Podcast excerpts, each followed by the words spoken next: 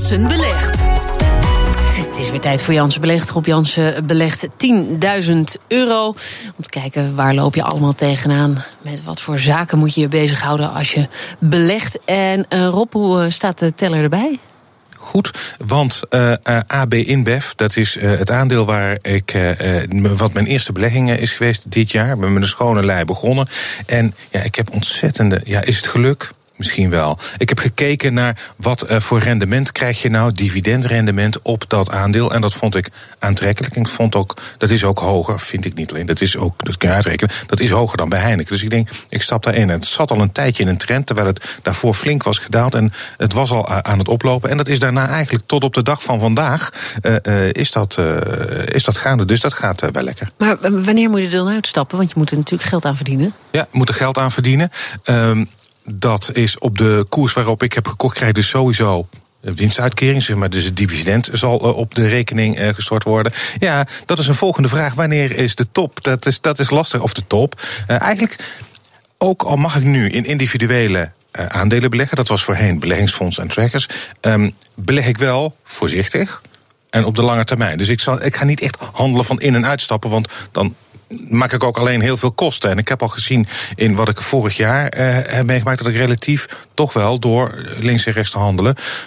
Als je dan handelt in iets wat, waar, je niet heel veel opwaarts uh, beweging in zit, dan ja, drukken de kosten heel zwaar. Ja, dus je moet is het wel zo duur dan om, uh, ja, het is om zo'n niet, opdracht het is, te geven? Het is niet duur, maar ik heb wel een hele 10.000 euro lijkt heel veel, maar het is relatief klein. Dus, uh, het, het is klein, dus je maakt ook relatief veel kosten wel. Want ik koop natuurlijk vrij kleine plukjes. Ik wil dat uh, divers uh, gaan mm. maken. Ik wil daar verder in uitbreiden. Dus dat betekent dat ik nooit hele grote plukken koop. En dan zijn relatief de kosten ja, wat de, aanhouden. Dus we zoeken het rendement vooral in het dividend. Ja, en, ja. ja. inderdaad.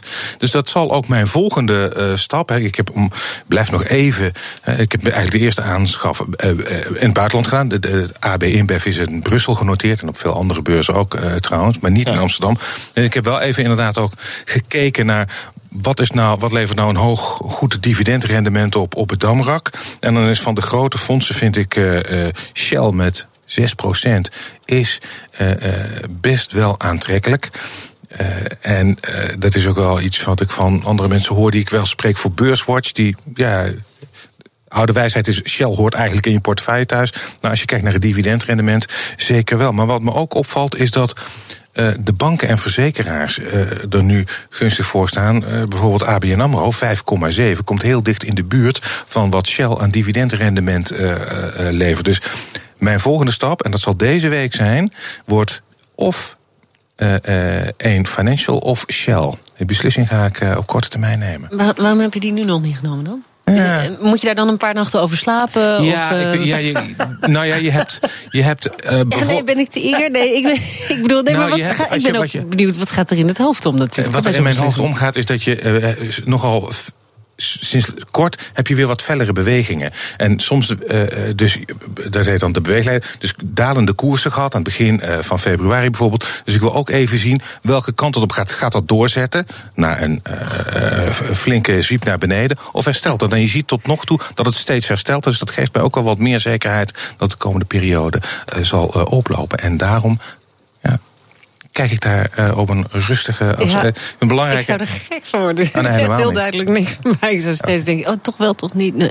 Je kan er een dagtaak aan hebben om daar zelf dan gek van te worden. Nou ja, analisten, dat... vermogensbeheerders, die zijn constant aan het kijken uh, welke kansen er zijn in de markt, ja. absoluut. Ja. Oké, okay, Rob.